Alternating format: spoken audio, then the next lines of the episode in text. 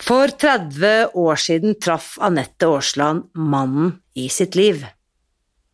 Og da han forlot henne, mistet hun alt. Troen, håpet og stemmen. Det ble starten på Anettes lidenskapelige forhold til pust.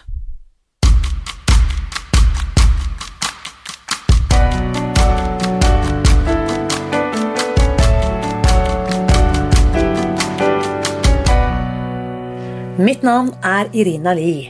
Jeg er journalist og forlegger, gründer og sosialentreprenør.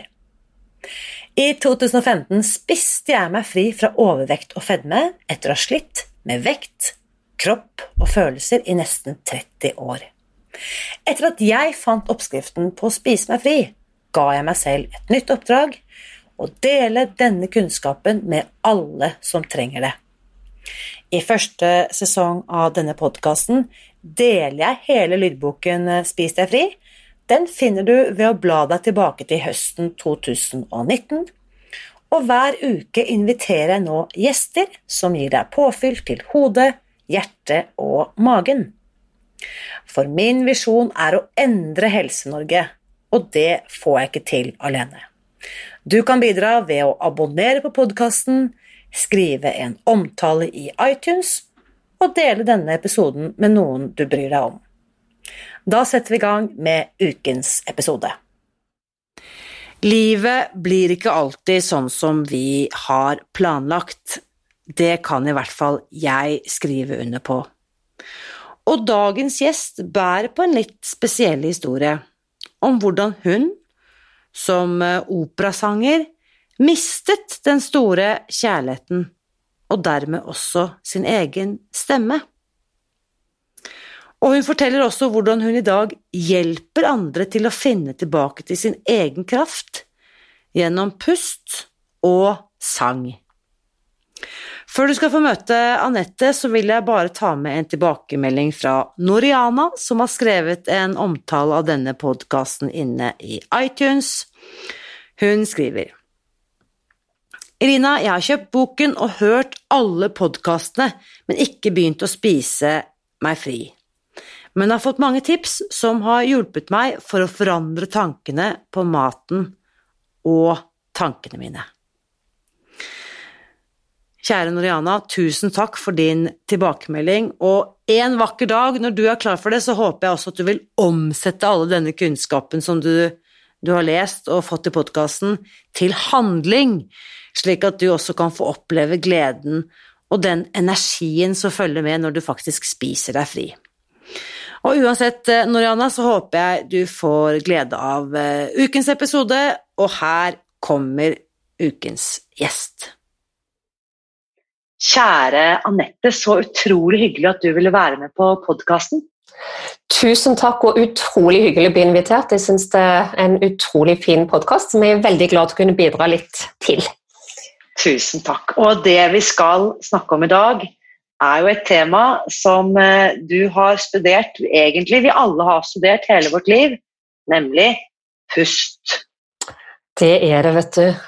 Og det synes jeg er så fascinerende at pusten er jo den eneste funksjonen vi har i kroppen som både er autonom, altså det vil si at den går jo av seg selv automatisk 24-7, men den er òg viljestyrt. Mm. Og jeg tror de aller fleste, eller i dag er det flere som er bevisste, da, men i mange år så har de fleste i vår del av verden kun brukt den, eh, den autonome pusten ikke sant? og ikke trent på den viljestyrte. Mm. Og for de som på en måte kanskje ikke har reflektert over disse tingene, eller aldri har hørt dette, la oss stoppe litt og bare uh, stoppe og starte litt der. Det autonome, altså det selvstendige, ikke sant. Det Eh, ikke viljestyrte, som du sier. Det er vel to muskler. Eh, de to største musklene som er autonome, er diafragma, den store pustemuskelen, mm. og hjertet. Ikke sant? Mm, absolutt. Mm. Så tenk så skummelt hvis hjertet hadde vært viljestyrt. Ja, ikke sant? Det er jo litt sprøtt å tenke på, men det kan vi faktisk med diafragma, eller pustemuskulaturen vår. Vi kan velge å stoppe å puste. Vi kan absolutt det, i hvert fall for en periode. Vi kan trene diafragma bevisst. Sant? Og ved å trene diafragma så kan vi òg direkte påvirke hjerterytmen vår. Mm. Og det er jo det som er så fascinerende. og Jeg pleier å si sånn litt for tull da, at diafragma er den viktigste muskelen vi har i kroppen. Men jeg er jo selvfølgelig klar over at hjertet er enda viktigere. Men de to henger jo veldig sammen òg, ikke sant? Mm. Jeg må bare spørre um, Din vei inn i pusten. Fortell litt om den, Anette, for de som ikke kjenner til din historie. Ja, den er ganske spesiell. Når jeg var 25 år, så hadde jeg studert opera i mange år i Italia, New York og London. Og når jeg bodde i Roma, så traff jeg òg, eh, i tillegg til min veldig dyktige lærer, så traff jeg òg det som jeg trodde var mannen i mitt liv. Han var britisk eh, pianist og dirigent, og jeg var hodestups forelska.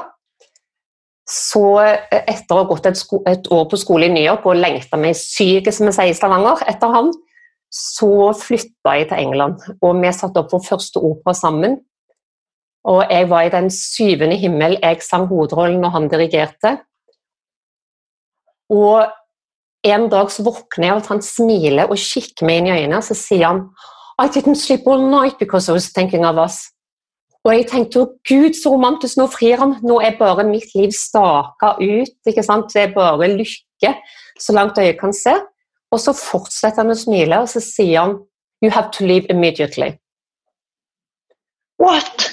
Ja, og dette her var mitt altså, første sånn store sjokk i livet. For jeg hadde ingen grunn til å forutse dette her. Sant? Så jeg husker, altså, Det neste jeg husker, var at jeg sto midt i en vei og tenkte Why isn't there a fucking car?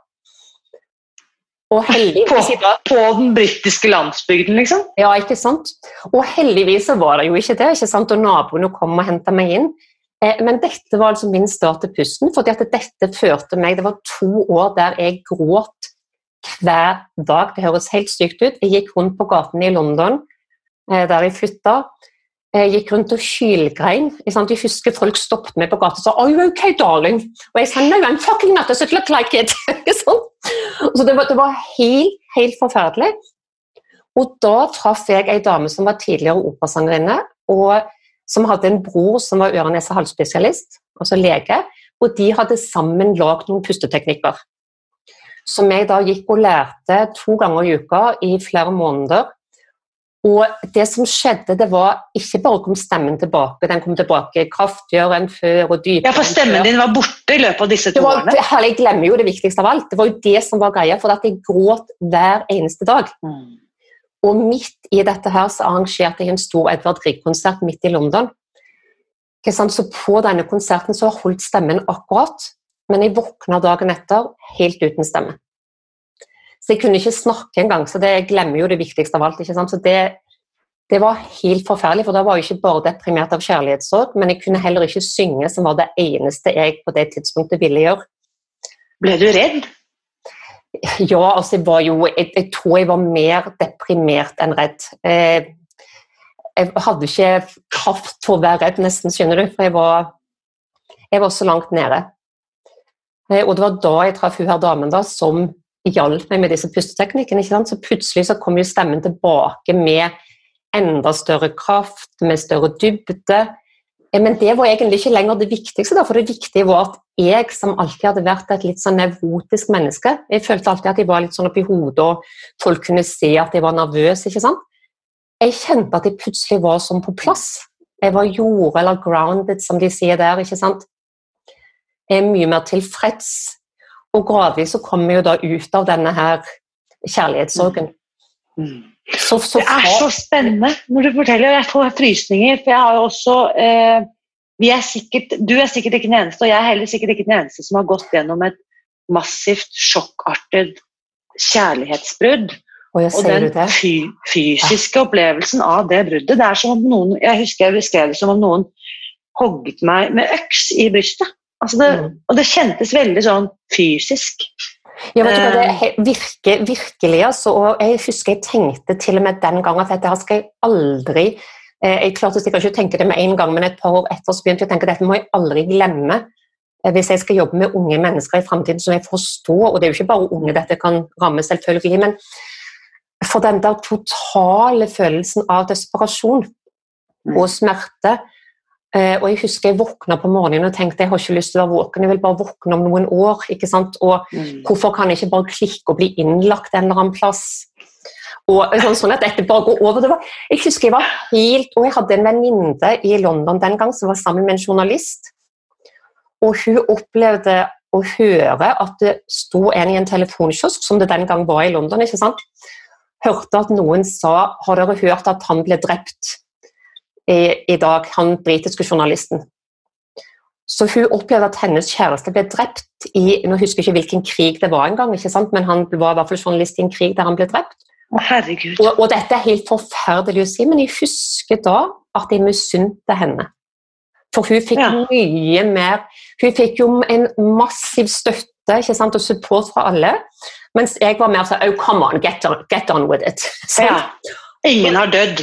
Ikke sant? Mm. Nei, ikke sant? Og jeg, jeg, snakket med en psykolog om det senere, bare sånn tilfeldig, i et møte, som sa at det, det kunne forstå. Mm. Det er jo det som også noen sa til meg, husker jeg, for jeg også ble sånn uh, Herregud, kan jeg tillate meg liksom et år etterpå og fortsatt liksom ikke sant? Og da var det en som sa at um, et uh, samlivsbrudd er det dødsfallet som ingen sender blomster eller kondolanser til. Ikke sant? For det, ikke sant? For det er jo faktisk en relasjon som har dødd. Noe som mm. har vært levende og ekte og sant, fylt av liv, og det er ikke lenger. Og da tenkte jeg ok, hadde, liksom vært, hadde jeg blitt enke, så hadde alle vært forståelsesfulle at jeg fortsatt var i sorg. Så du tenkte det du òg, ja? Ja, ja, ja, helt, eh, ja, mange ganger. Eh, det hadde vært så mye enklere både for meg å forsone meg med det uforståelige. Eh, hvis vedkommende hadde vært utsatt for en ulykke eller det skjedde et eller annet. Mm. Enn liksom følelsen av å bli knust. Da. Ja, rett og slett. Um, så, og så tenker jeg også, når jeg nå ser tilbake på dette tolv år senere, så tenker jeg at det var kanskje en blessing in disguise. Altså, det er jo, altså, jeg er jo supertakknemlig i dag for mm. det bruddet, ikke sant? Jeg må, jeg må spørre Anette, hvor gammel er du i dag? Jeg er 55. Så du så snakker altså om en opplevelse 30 år tilbake i tid, ikke sant? så det er jo mm. det er helt vanvittig. Og det tok meg ti år før jeg skulle klare å finne Nå er jeg gift med en dame, da. Ja. Så det, det, har jo ingenting med han å gjøre, men, ikke sant? men det er når jeg var 36, så traff jeg henne. Eh, og ble bare hodestups forelska. Og vi er jo veldig lykkelig gift i dag og har det veldig, veldig fint. Så fint. Og, eh, og jeg hadde, altså hadde jeg visst det jeg vet i dag den gang, at det skulle endre hele kursen av mitt liv, mm. så hadde jeg jo aldri trodd ikke sant? Og Jeg husker jeg hadde en, eh, en venninne i London som jobbet som medium.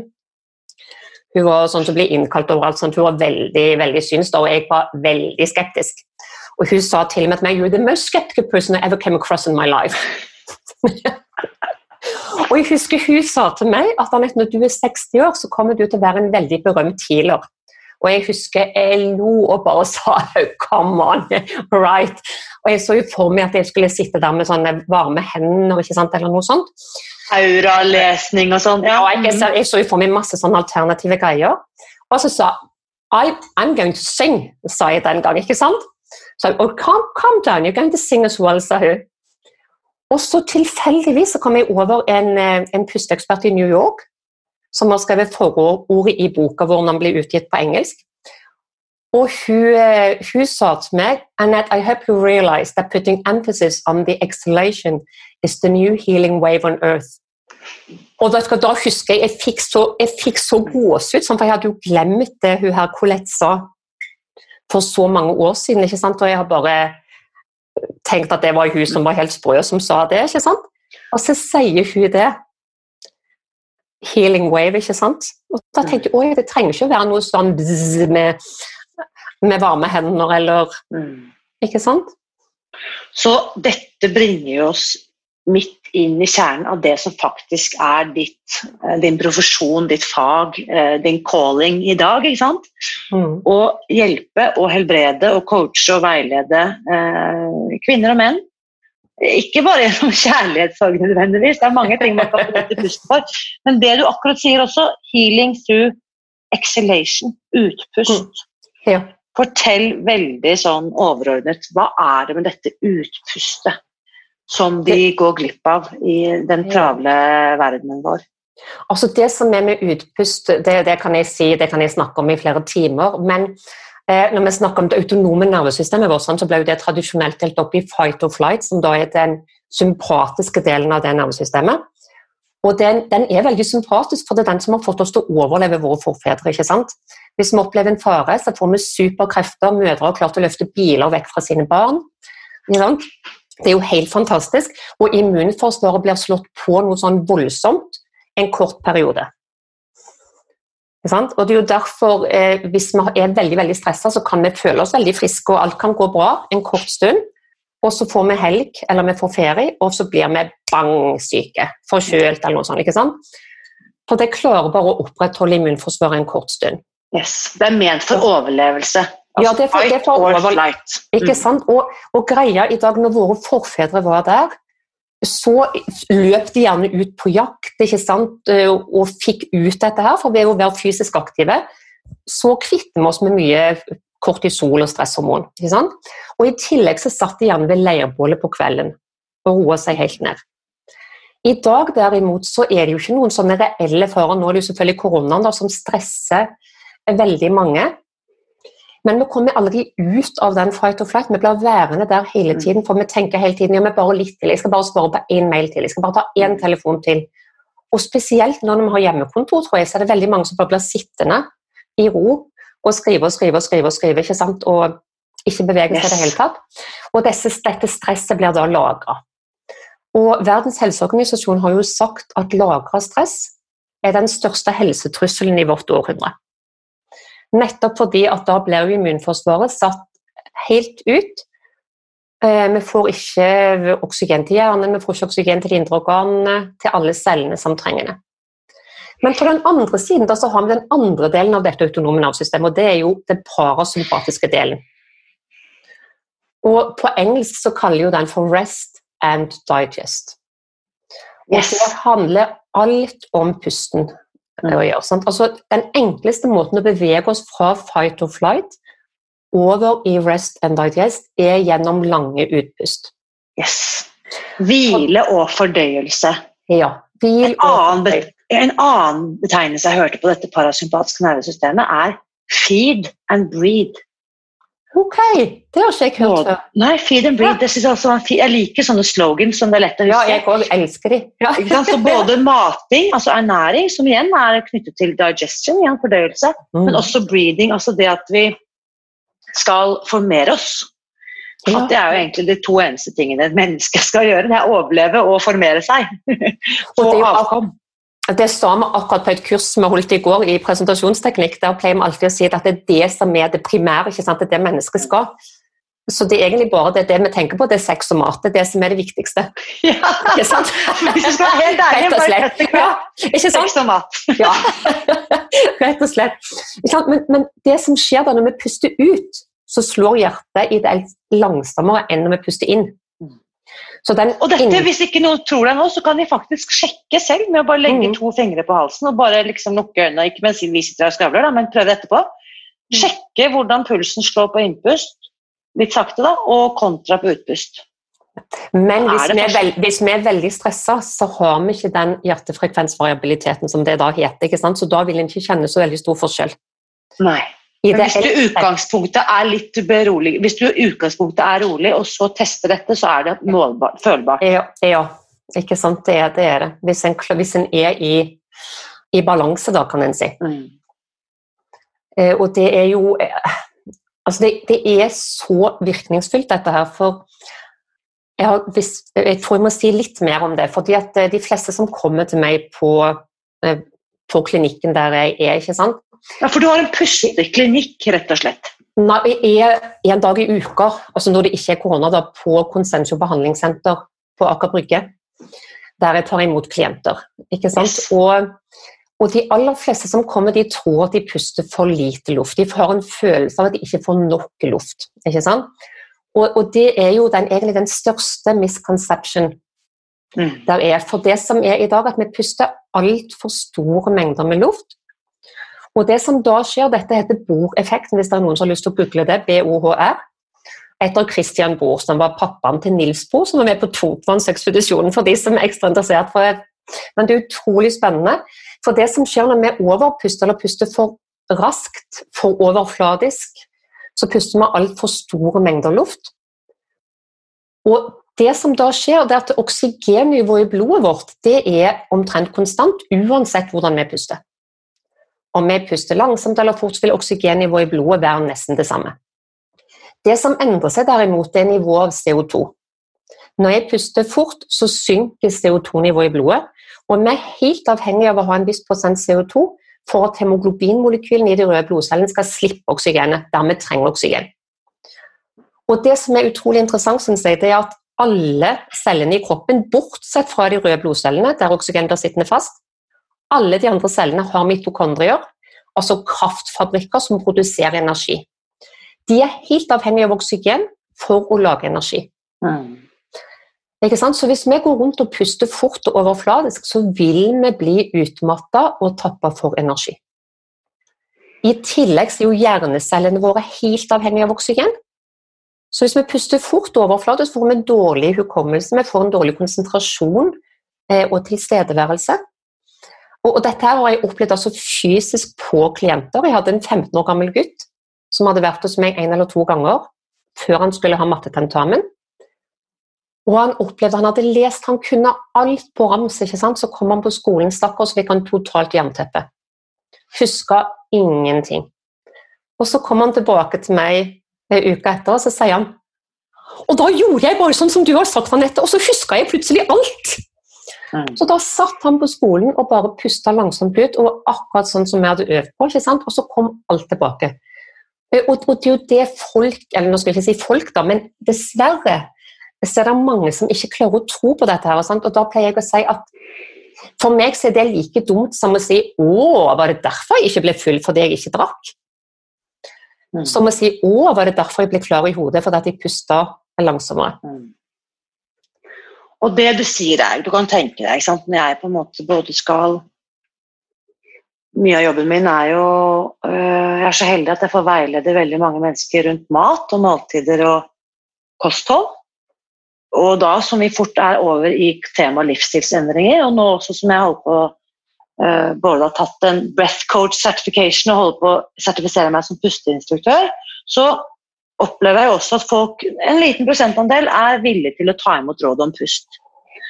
Og så har du jo de som vet best og legger armene i kors og sier at dette er bare tull og tøys. Så sier er det lett. Du trenger ikke å tro meg, men bare prøv.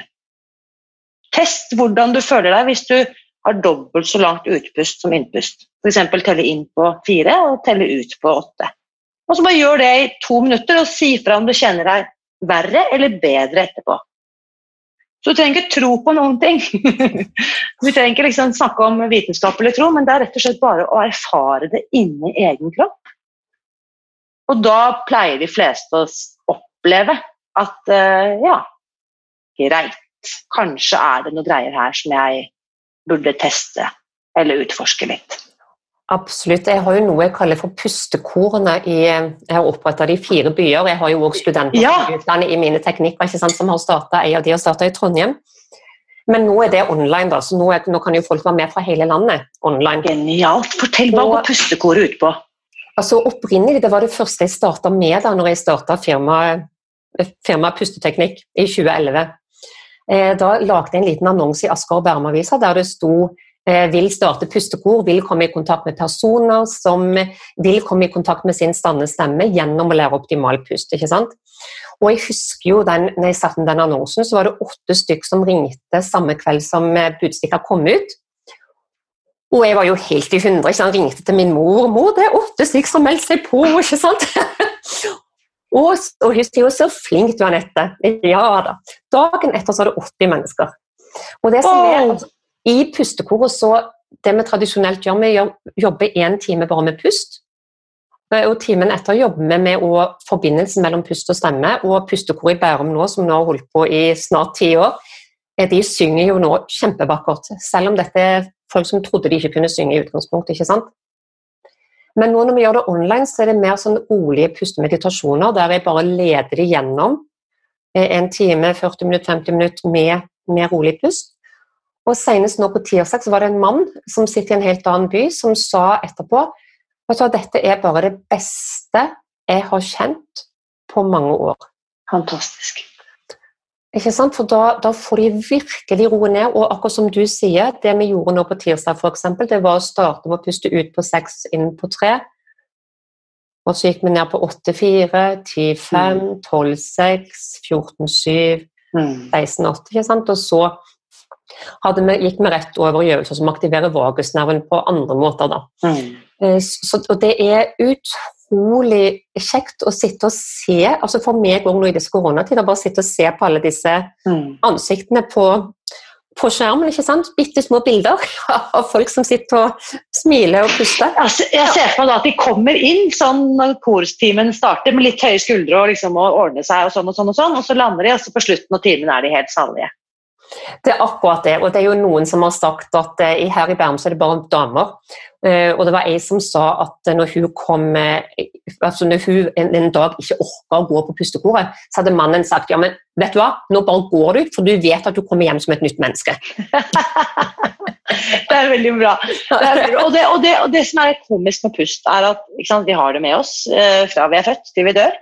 Eh, og sånn som du sa, det er jo autonomt, så det er ikke noe vi trenger å tenke så mye på heller, hvis vi ikke ønsker det. Det som Jeg, jeg begynte med yoga i 2006.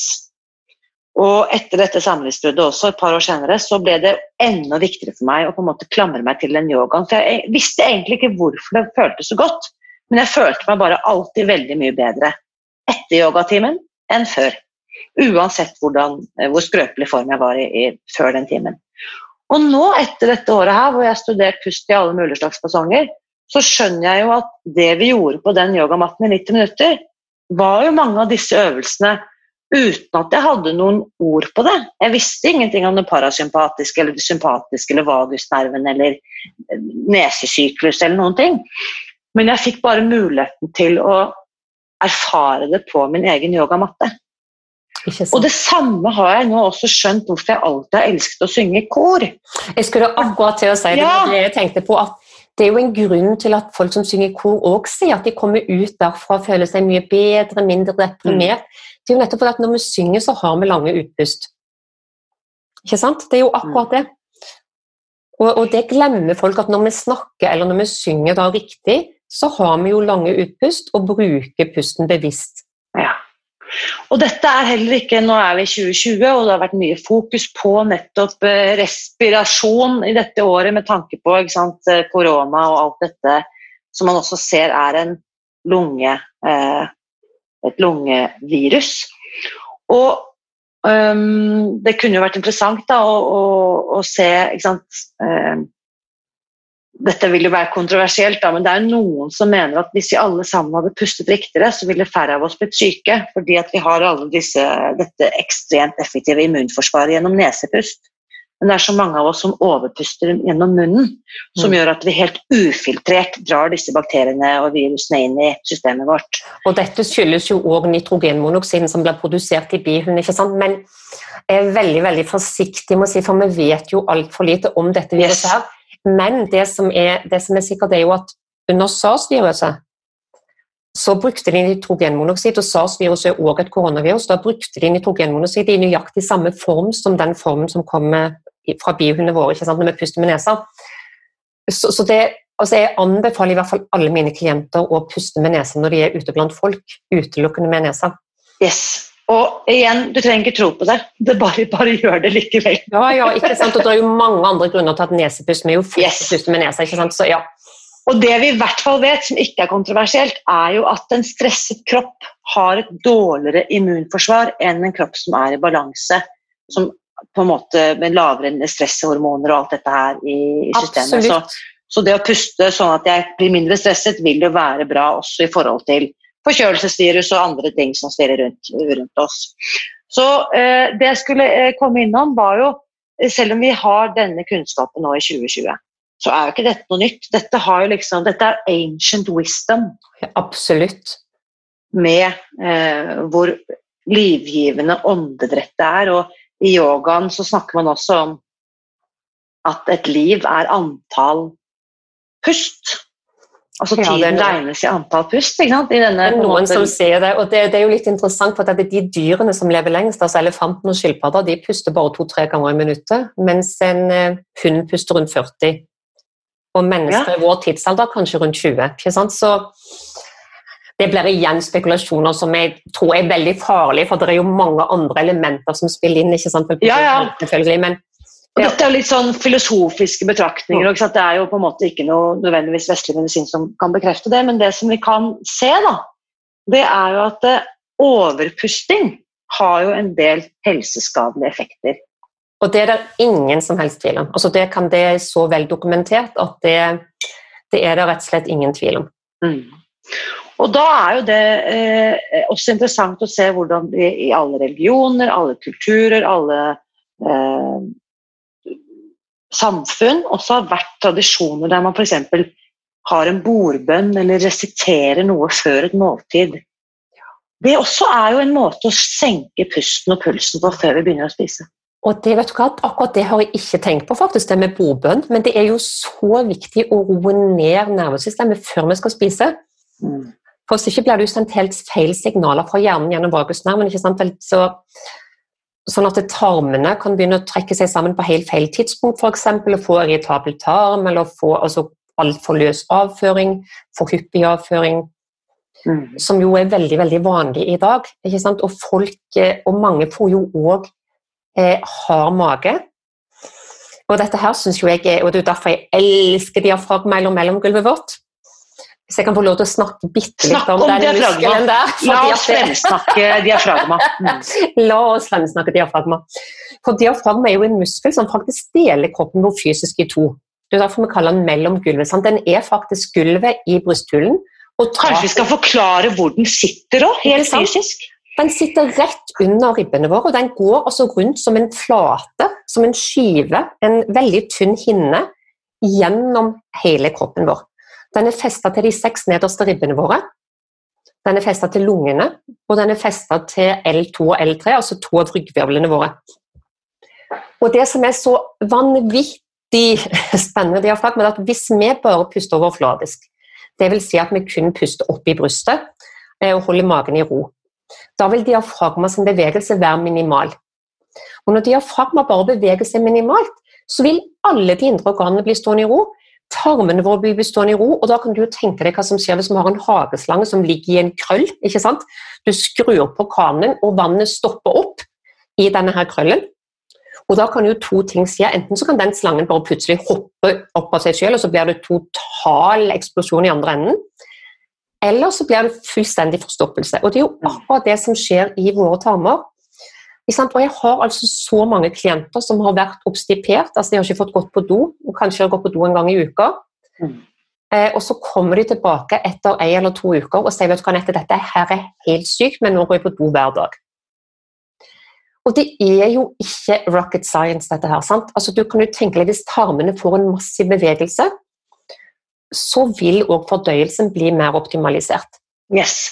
Og så rett og slett ikke bare fordøyelse, men òg ribbene våre vil gå ut på innpust og inn på eh, utpust. ikke sant? Ryggsøylen vår blir strekt for hvert innpust, trekker seg sammen på hver utpust. Det har ekstremt mye med smerter i hele dette området å gjøre. Eh, og i tillegg, hvis vi puster i brystet, så får vi veldig lett spenninger i mellom skulderblader, i skuldre, i nakke. Noen får spenningshodepine, noen får migrene. Og i dag er det faktisk fastleger som sender pasienter til meg med migrene, bl.a. Fantastisk. Det tenker jeg er helt utrolig fantastisk. Og det må folk bare få vite om.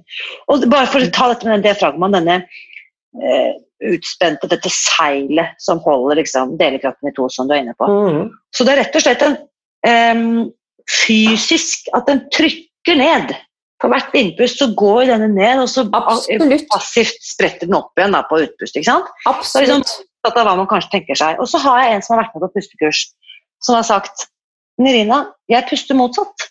Jeg klarer ikke å åpne Når du sier at magen skal gå ut som en ballong på innpust, så er det motsatt hos meg. Det er brystet som fyller seg. Hva gjør jeg? Er jeg feil? Så sier jeg nei, det er ikke feil. Du har kanskje lagt deg til en vane som det tar litt tid å vende. Hvordan veileder du Anette, de som opplever at de puster motsatt? Det du beskriver her, det er jo såkalt reversert pustemønster, som dessverre er eh, veldig uheldig. Eh, og jeg er helt enig med deg, jeg pleier aldri å si at noe er feil eh, eller riktig. Men det som skjer hvis en ser på babyer som er nyfødte, med mindre det er noe fundamentalt galt, så puster ingen baby opp i brystet. ikke sant? De puster med, med mage, med ribber. De puster selvfølgelig veldig fort, for de har kjempesmå lunger. ikke sant? Men, men de puster eh, med mage og ribber. Eh, og det som da skjer, at Dessverre så er det allerede barn på to-tre år som har begynt med et reversert pustemønster. Og da tenker jeg at Det kan skyldes at vi tar på barn såkalte kule klær, altså dvs. Si teens som strammer rundt magen eksempel, som forteller barna at her kan du ikke bevege, og da blir du jo nødt for å begynne å puste opp i brystet, for du er nødt for å puste et sted. Eh, det kan til og med være bleier som vi tar på for stramt. I tillegg er det sånn at hvis mødrene spesielt da, kan være begge foreldre, men spesielt mødrene er veldig stressa og har et overfladisk raskt pustemønster, så vil barnet sannsynligvis ta etter dette. Ja, atferd. At det smitter. altså det Baby sier, baby do, liksom. Mm, absolutt. absolutt. Eh, og det siste er jo selvfølgelig sjokk, traumer, stress gjennom livet. Og så, ikke minst kanskje, at med dette her skjønnhetsidealet om at vi skal ha en flat mage. Der vi går og holder magen inne. Vi holder magen inne. Og når jeg begynte med dette her, så, så, så trodde jeg dette gjaldt damer. Jeg tenkte at menn holder magen ikke inne. Men det er bare helt feil, for nå har jeg like mange menn som kvinner, som klienter på Konsensio. Og det er like mange av de som går og holder magen inne for å ha en flat mage. Og jeg hadde en toppidrettsutøver hos meg blant annet, som, som selvfølgelig hadde sixpack på magen. Og han sa Anette, nå har jeg skjønt at til og med en topptrent mann kan ikke ha sixpack som viser på nedre del av magen på innpust hvis vi skal puste optimalt. Og det er jo så mye å hente på å puste optimalt. For hvis en tror en får mindre mage av å holde den inne, så tar en i hvert fall helt feil. Det er jo snarere tvert imot. For vi må jo ha den bevegeligheten som òg vil gi en bedre fordøyelse, som vil gi en sunnere avføring, som vil mm. gjøre oss slankere.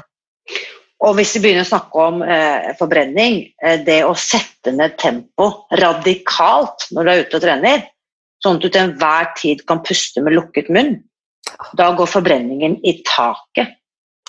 For da begynner du å forbrenne fett istedenfor å forbrenne sukker. Så dette er jo også helt sånn eh, mind-blowing, for det er helt motsatt av det vi har hørt. alltid.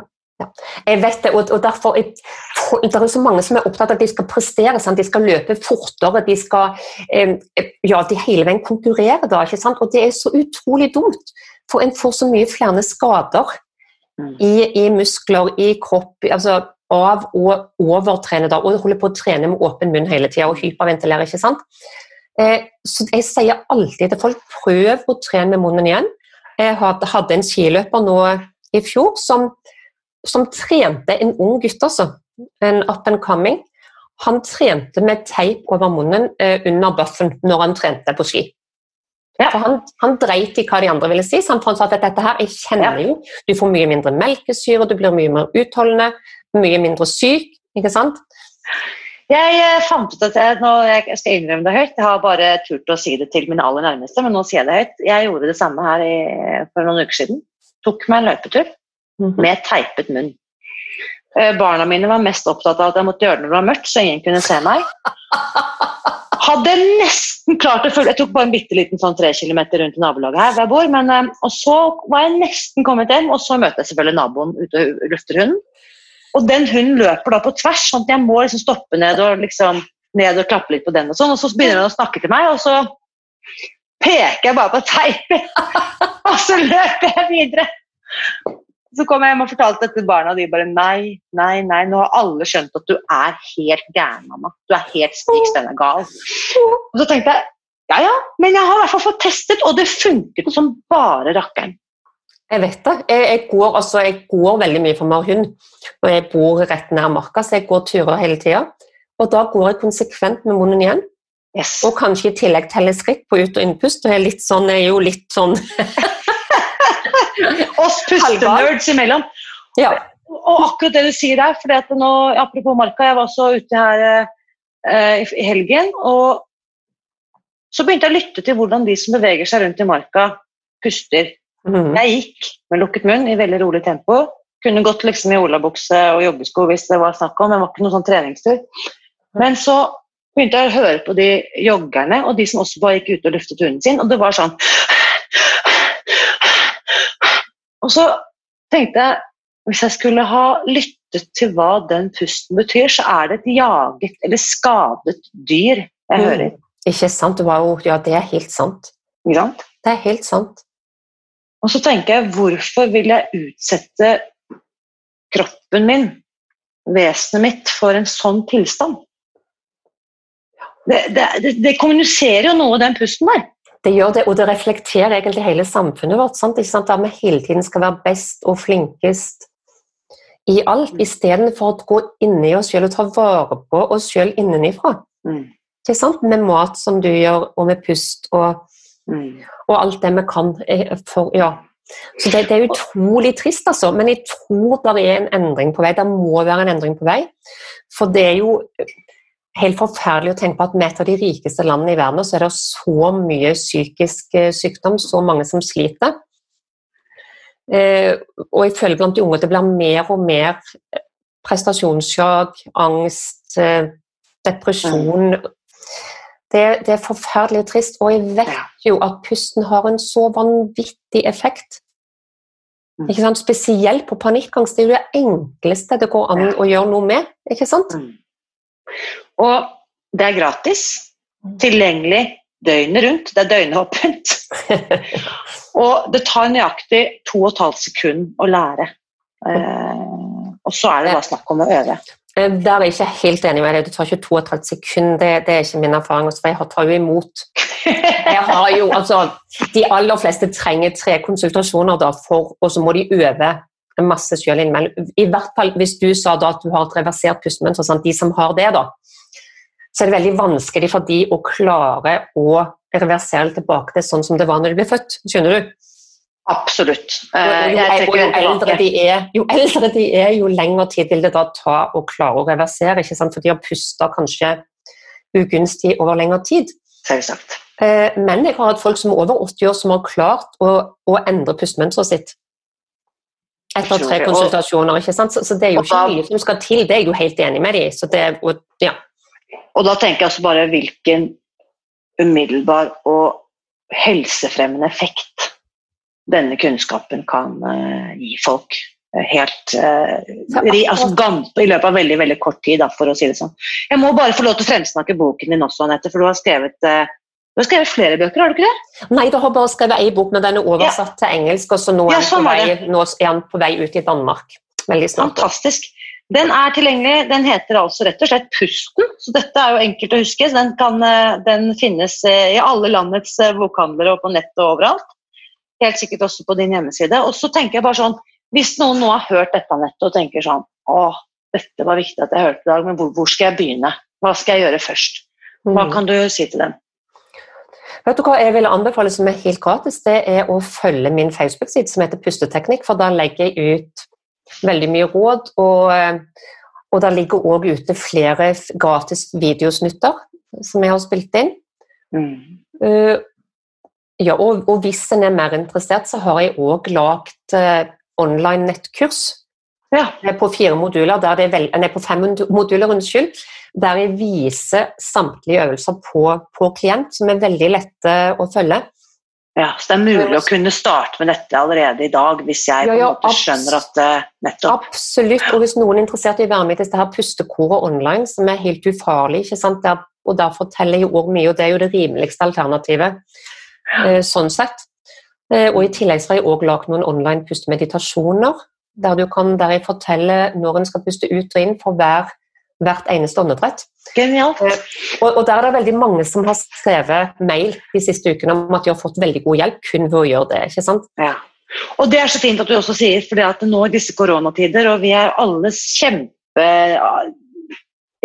på å ta del i dugnaden, vi skal overholde smittevern og tometeren og alt dette her, mm. da tenker jeg det er ekstra verdifullt at det også finnes nettbaserte løsninger, sånn som du også tilbyr. Mm. Mm. Det, det, er det, altså, for det er veldig mange som er stressa om dagen, det er veldig mange som er urolige om dagen, ikke sant? Og, mm. og, ikke minst ensomme. Eh, og da tenker jeg, hvis en er ensom, så er det jo veldig fint å kunne treffe sånn en gang i uka òg på, på, Zoom. Yes. Mm. Der en faktisk kan se andre ansikter og, og, se at de smiler, de sender hjerter med hendene, ikke sant. Og, ja, ja. det, det, er veldig, jeg syns jo selv at det er helt utrolig hyggelig. Mm. Og jeg likte så godt det du sa innledningsvis, Irene. du sa at, eh, at du er så heldig som får lov til å coache mennesker med mat. Altså, jeg føler meg jo så vanvittig heldig som får mm. lov til å jobbe med det som jeg brenner aller mest for. Ja. Det er jo det, det, er helt fantastisk. Og det er jo ikke rart at inspirasjon er jo nettopp det. Ikke Innpust. Ikke at vi fyller på. Mm. Uh, så Nei, fantastisk, Anette. Ja, si, på vegne av vanvittig mange som har både sett uh, din TED-talk, som kjenner til litt av det du holder på med, så må jeg bare si at fantastisk takk for at du bidrar til å spre denne kunnskapen til flere som trenger det. Tusen takk i like måte. Vet du hva, det er en så Jeg blir så glad for hvert eneste menneske som, som jobber med pust, og som har lyst til å, å spre dette videre. For jeg vet at det er så mange som får hjelp med smerter, med dårlig fordøyelse, med angst, ikke sant? søvn, ikke minst, mm. høyt blodtrykk. Det er jo så vanvittig effektivt. Ja, jeg, har, jeg, har fått, jeg, har, opplevd at folk har kommet rett fra legen med skyhøyt blodtrykk. Og så har de pusta rolig i to minutter, så har jeg målt blodtrykk på nytt, og det er helt normalt. Det er ikke sant. Dette er rett og slett ikke magi, og hvis noen fortsatt ikke er overbevist, så bare prøv selv. Ja. Uh, og undersøk, bare kjenn hvordan har jeg det nå, på en skala fra 1 til 10, og så puster du rolig et par minutter ja. med lange utpust, og så kjenner du etter igjen hvordan ja. føler jeg meg nå. Og, og, det kan jeg jo si Som en enkel begynnelse så kan en jo bare begynne med å si en lang S. altså Begynne med å puste ut. Ikke begynne med å puste inn, for hvis du begynner med å puste inn, så begynner du med en spenning. Ikke sant? Og folk som f.eks. har eh, panikkangst, hva er det de gjør? De gjør prøver å trekke inn mest mulig luft. Og det eneste som da er 100 sikkert, det er at den angsten vil eskalere til himmels. Og det angstanfallet vil vedvare over lang tid. ikke sant? Ja. Hvis de istedenfor begynner bare med å gjøre en og puste helt ut, og så puste rolig inn gjennom nesa, så vil det angstanfallet opphøre etter relativt kort tid. Yes. Fantastisk. Det var en veldig konkret, eh, konkret takeaway. Så vi kan da avslutte med et utpust. Absolutt. og så bare rett og slett si tusen takk for i dag, og på en lang S. Jeg oppmuntrer alle som hører på dette, til å gjøre det samme. Og tusen takk for at jeg fikk lov til å være med. Ja. Nå lurer jeg på, hva tenker du etter å ha hørt min samtale med pustelærer Anette i dag? Var det noe du syntes var oppsiktsvekkende eller spesielt nyttig for deg å høre? Uansett så håper jeg du blir med inn i den åpne Facebook-gruppen vår Spis deg fri, hvor du kan dele dine takeaways eller det du tar med deg fra dagens episode, og gjerne stille spørsmål hvis det er noe du skulle hatt svar på om pust og pusteteknikker. Og som du kanskje har hørt meg nevne før, så arrangerte jeg altså mitt første nettkurs om pust tidligere denne høsten, eh, og flere har spurt når neste pustekurs eh, begynner. Jeg har ikke hatt tid til å planlegge så langt frem ennå, så det blir nok et stykke ut på våren før det skjer, men hvis du vil vite mer, så finner du mer info på nettsiden min, eh, www.irinali.no, og der har jeg også lagt ut en link til ventelisten for dette pustekurset, som eh, du kan skrive deg på, så sender jeg deg en invitasjon så snart påmeldingen åpner igjen. Neste uke, på selveste Lucia-søndagen, da skal du få møte en helt spesiell mann som jeg har hatt gleden av å bli kjent med gjennom de siste par årene. Det er selveste Kim Rystad, som du kanskje har sett i Melodi Grand Prix, eller som du fulgte gjennom fjorårets Stjernekamp på NRK, der Kim sang seg helt frem til finaleplass.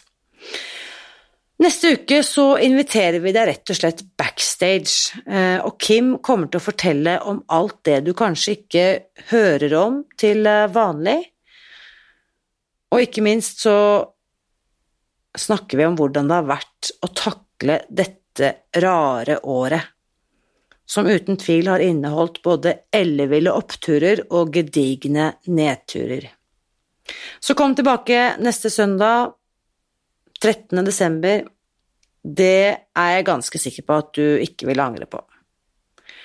Og igjen, hvis du har hørt noe i dagens episode som du synes andre også burde få med seg, så klikk deg inn på iTunes, legg igjen fem stjerner og skriv gjerne en omtale av podkasten.